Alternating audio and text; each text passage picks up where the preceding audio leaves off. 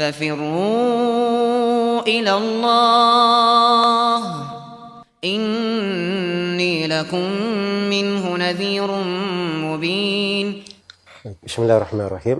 الحمد لله رب العالمين والصلاة والسلام على المبعوث رحمة للعالمين نبينا محمد وعلى آله وصحبه ومن تبعهم بإحسان إلى يوم الدين. أما بعد kaum muslimin dan muslimat, para pendengar, serta seluruh pemirsa yang menyaksikan acara ini di mana pun Anda berada. Assalamualaikum warahmatullahi wabarakatuh. Uh, tema kita di sore hari ini terkait dengan uh, ayat dalam Al-Quranul Karim yang disifatkan sebagai arja ayah arja ayat ayat yang paling mengandung roja. Ayat yang paling mengandung roja paling mengandung harapan. Dan ini disebut di dalam pembahasan-pembahasan Al-Quran dari Lataif. Disebutkan oleh ahli tafsir dan selainnya. Iya. Jadi ada ayat-ayat yang dikatakan paling besar harapan di dalamnya. Ada ayat yang paling kuat menunjukkan ancaman dan itu kita akan bahas insya Allah pada tempatnya. Dan tema kita di sore hari ini terkait dengan ayat-ayat yang dikatakan arja ayat. Ayat-ayat yang paling mengandung harapan.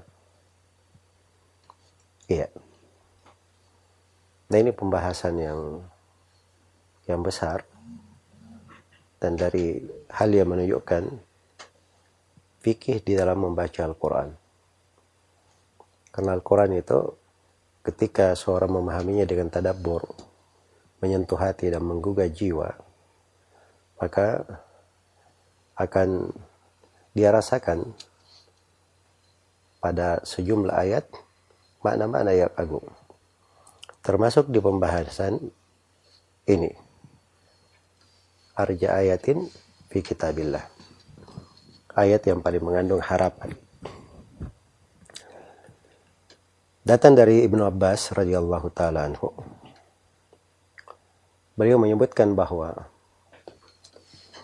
ayat yang paling mengandung harapan itu adalah firman Allah Subhanahu wa taala wa inna rabbaka ladu maghfiratil linnasi ala dhulmihim Sesungguhnya Rabbmu wahai Nabi Muhammad itu adalah yang maha memiliki pengampunan kepada manusia terhadap kezaliman yang mereka lakukan. Terhadap kezaliman yang mereka lakukan. Dan memang dari sudut kandungan ayat, subhanallah, ini dari hal yang menunjukkan luasnya rahmat Allah dan besarnya pengampunan Allah. Allah menamakan dirinya dengan nama yang menunjukkan pengampunan, belas kasih, dan rahmat. Antara yang nama Al-Ghafur, yang maha mengampuni. Di antaranya juga nama Ghaffar, Al-Ghaffar, Permana yang maha mengampuni. Juga di antaranya nama Al-Ghafir. Ini tiga nama. Demikian pula di ayat ini, Du Magfirah. Yang maha memiliki pengampunan. Iya. Jadi ketika disebut inna Allah inna rabbaka wa inna rabbaka ladu maghfiratil linnasi ala zulmihim.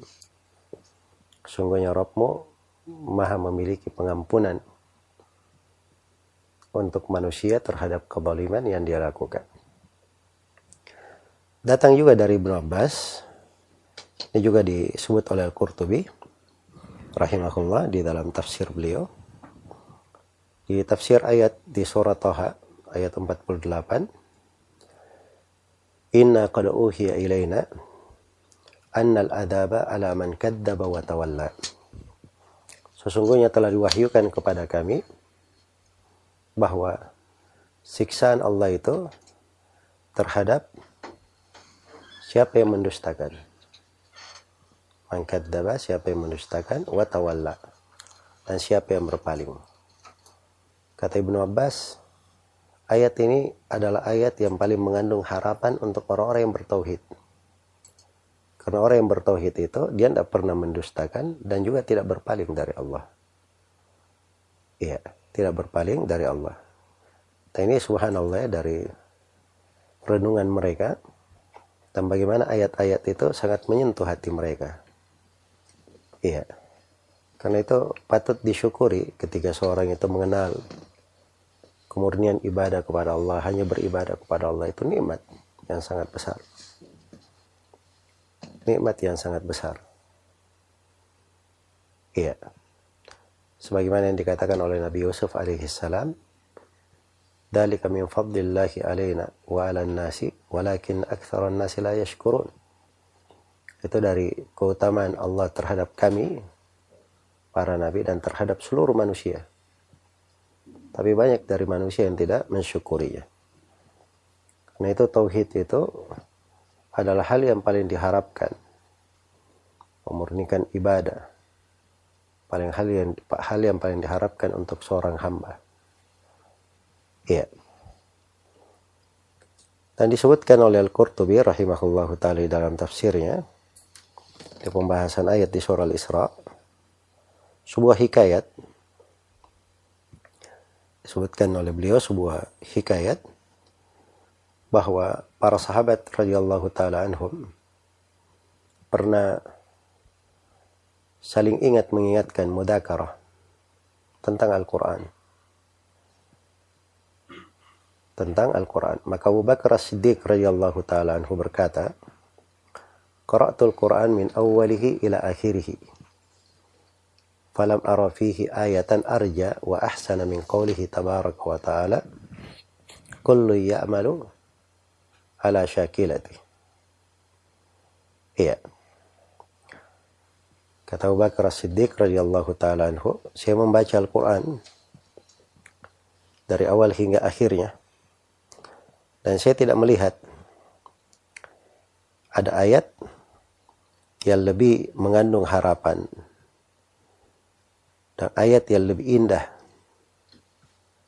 Ayat yang lebih indah daripada firman Allah Subhanahu wa taala kullu ya'malu ala syakilati ya. Maksudnya ayatnya itu lengkapnya kul kullu ya'malu ala syakilati farabbukum a'lamu biman huwa ahda sabila jadi ini menurut Abu Bakar ini ayat yang paling mengandung harapan. Katakan oleh Nabi Muhammad bahwa setiap dari orang itu dia beramal sesuai dengan syakilahnya. Sesuai dengan kebiasaannya, pembawaannya, apa yang melekat padanya, jalannya. Iya. Jadi sudut harapan yang disebut oleh Abu Bakar kata beliau seorang hamba itu yang merupakan pembawaannya dia gemar berbuat dosa. Iya. Adapun Allah Subhanahu wa taala Robnya dari kebiasaannya adalah mengampuni. Adalah mengampuni. Maka ini ayat dari ayat yang beliau anggap yang paling menunjukkan harapan. Ya, adapun Umar bin Khattab radhiyallahu taala anhu beliau berkata, saya qara'atul Quran min awalihi ila akhirih falam ara fihi arja wa ahsana min qawlihi ta'ala. Kata Umar, saya membaca Al-Quran dari awal hingga akhirnya. Saya tidak melihat ayat yang lebih mengandung harapan dan lebih indah dari firman Allah Subhanahu wa taala. Bismillahirrahmanirrahim. Hamim. Tanzilul kitabi minallahil azizil alim. غافر الذنب وقابل التوب شديد العقاب الطول لا إله إلا هو إليه المصير itu ayat yang dimaksud oleh Umar iya Hamim kitab yang diturunkan dari sisi Allah yang maha agung lagi maha mengetahui ghafirid dambi yang maha mengampuni taubat yang maha mengampuni dosa wa qabilit taub ghafirid dambi wa qabilit taubi dia maha, maha mengampuni dosa, maha menerima tobat. Iya. Jadi perhatikan subhanallah didahulukan mengampuni dosa sebelum dia bertobat. Sebelum menerima tobat.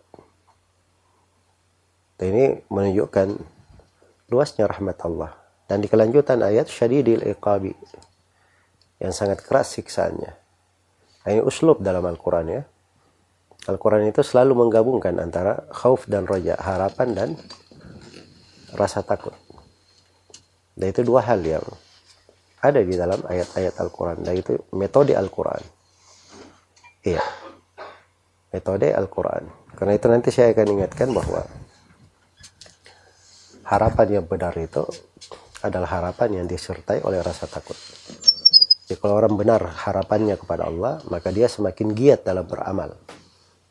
Semakin giat di dalam melakukan ketaatan. Dan dia punya rasa takut kepada Allah. Itu harapan yang benar. Baik, jadi itu menurut Umar ayat yang paling mengandung harapan. Adapun Uthman ibnu Affan radhiyallahu taala anhu beliau berkata qara'tu al Qur'an min awwalihi ila akhirih falam ara ayatan ahsan wa arja min qawlihi nabbi ibadi anni anal ghafurur rahim. Kata Uthman radhiyallahu taala anhu saya baca Al-Qur'an seluruhnya dari awal hingga akhirnya. Saya tidak melihat ada ayat yang lebih indah dan lebih mengandung harapan dari firman Allah Nabi ibadi anni anal ghafurur rahim di surah Al-Hijr. Beri kabar kepada hambaku bahwa sesungguhnya aku maha pengampun lagi maha perahmat ya subhanallah Adapun Ali bin Abi Thalib radhiyallahu taala anhu Beliau juga berkata, Qara'tul Qur'an min awwalihi ila akhirih, falam ara ayatan ahsana wa arja min qawlihi ta'ala. Kata Ali, saya membaca Al-Quran dari awal hingga akhirnya, dan saya tidak melihat ada ayat yang lebih indah dan lebih mengandung harapan dari firman Allah Subhanahu wa taala, "Qul ya ibadiyalladzina asrafu ala anfusihim la taqnatu min rahmatillah, innallaha yaghfirud dzunuba jami'an." Innahu huwal ghafurur rahim. Ini ayat yang sudah kita bahas kemarin. Iya. Nah ini memang uh, pilihan bahwa itu adalah ayat yang paling mengandung harapan bukan cuma dari Ali saja.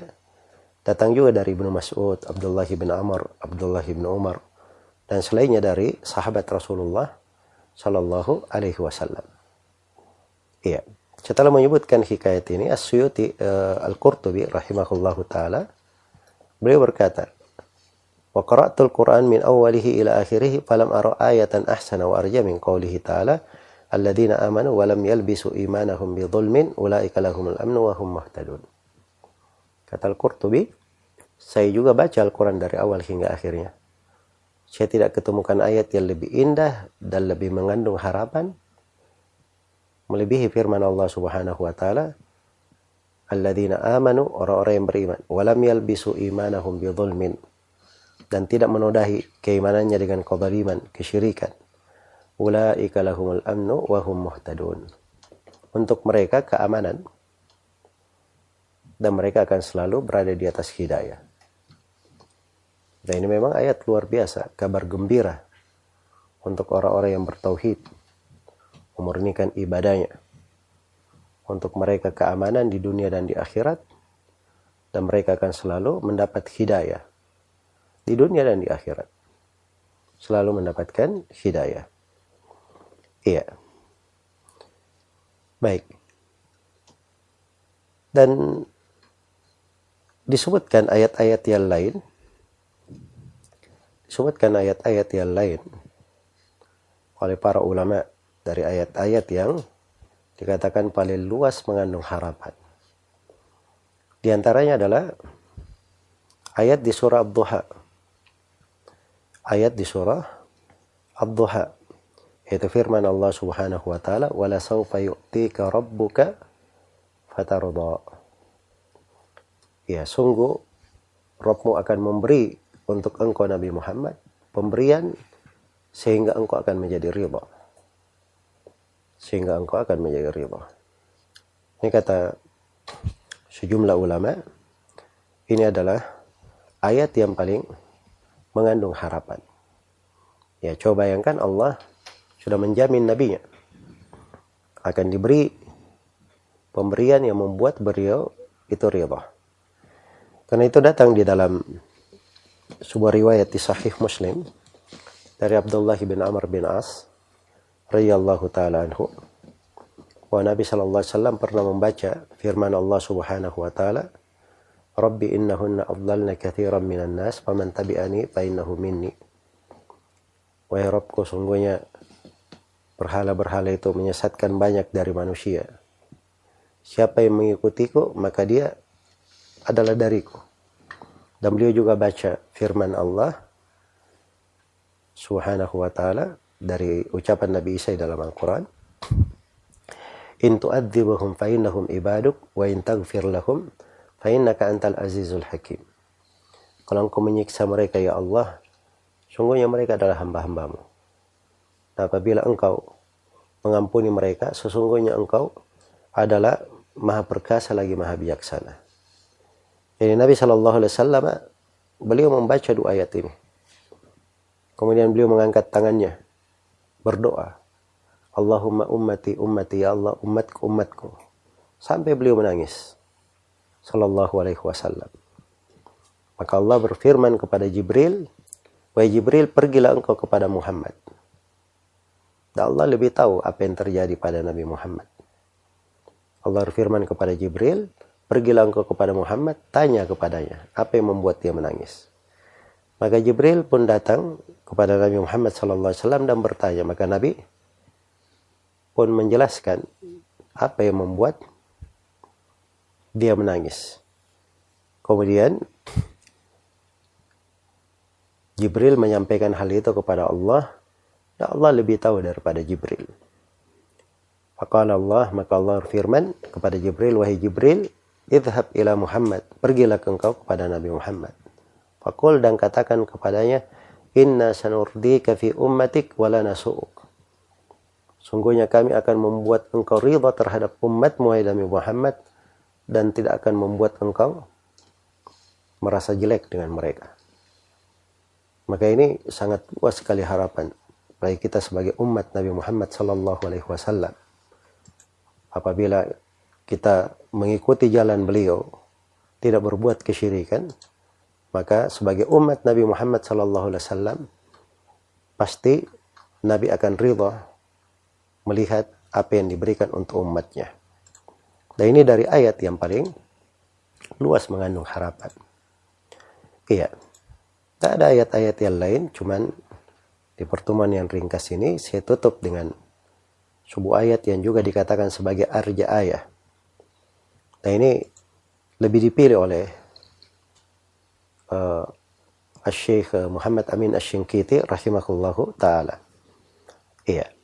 Yaitu firman Allah Subhanahu wa taala, "Tsumma awratna al-kitaba alladziina istafayna min ibadina wa minhum zalimun li nafsihi wa minhum muqtasidun wa minhum sabiqun bil khairati bi idznillah." Kemudian kami wariskan kitab kepada siapa yang kami pilih dari hamba kami. Di antara mereka ada yang membolimi dirinya, di antaranya mereka ada yang pertengahan, dan di antara mereka ada yang bersegera dengan kebaikan, dengan izin Robnya. Jadi disebutkan umat ini di, diberi kitab, dan mereka ada tiga. Umat ini, ada yang membolimi dirinya, ada yang pertengahan, dan ada yang bersegera dengan kebaikan. Tiga golongan. Tapi bersamaan dengan itu, semua dari golongan ini, itu diberikan dari keutamaan. Dalika huwal fadlul kabir. Itulah keutamaan yang besar jannatu adni yadkhulunaha yuhallawna fiha min asawira min dhahabi wa lu'lu'a wa libasuhum fiha harir sorga-sorga Aden yang mereka akan masuk ke dalamnya. Mereka akan dikalungkan dari gelang-gelang dari permata-permata dan pakaian mereka dari sutra. Dan seterusnya dari ayat yang menunjukkan ini keutamaan bagi umat Nabi Muhammad sallallahu alaihi wasallam. Maka hidup ini hendaknya kita pandang dengan pandangan yang luas, pandangan yang jauh. Sebagaimana luasnya kita memandang jagat raya ini, langit dan bumi. Rahmat Allah subhanahu wa ta'ala lebih luas daripada itu. Harapan yang berada di sisi Allah itu lebih luas. Tapi perlu saya ingatkan, harapan itu apabila membawanya kepada dosa dan maksiat itu bukan harapan yang benar. Tapi itu namanya sewenang-wenang di dalam rahmat dan keutamaan. Orang yang berlebihan dalam nikmat. Tapi orang yang berharap dengan harapan yang benar, dia juga punya rasa takut kepada Allah. Membuatnya semakin termotivasi bergerak dan berjalan. Iya. ini sudah berlalu sepertiga dari bulan Ramadan. Harusnya kita lebih bersemangat untuk melanjutkan aktivitas di bulan Ramadan ini melakukan amalia-amalia ibadah yang disyariatkan di bulan Ramadan dan harusnya seorang itu semakin bersegera menuju kepada rahmat Allah Subhanahu wa taala. Semoga Allah Subhanahu wa taala memberi taufik kepada semuanya wallahu taala.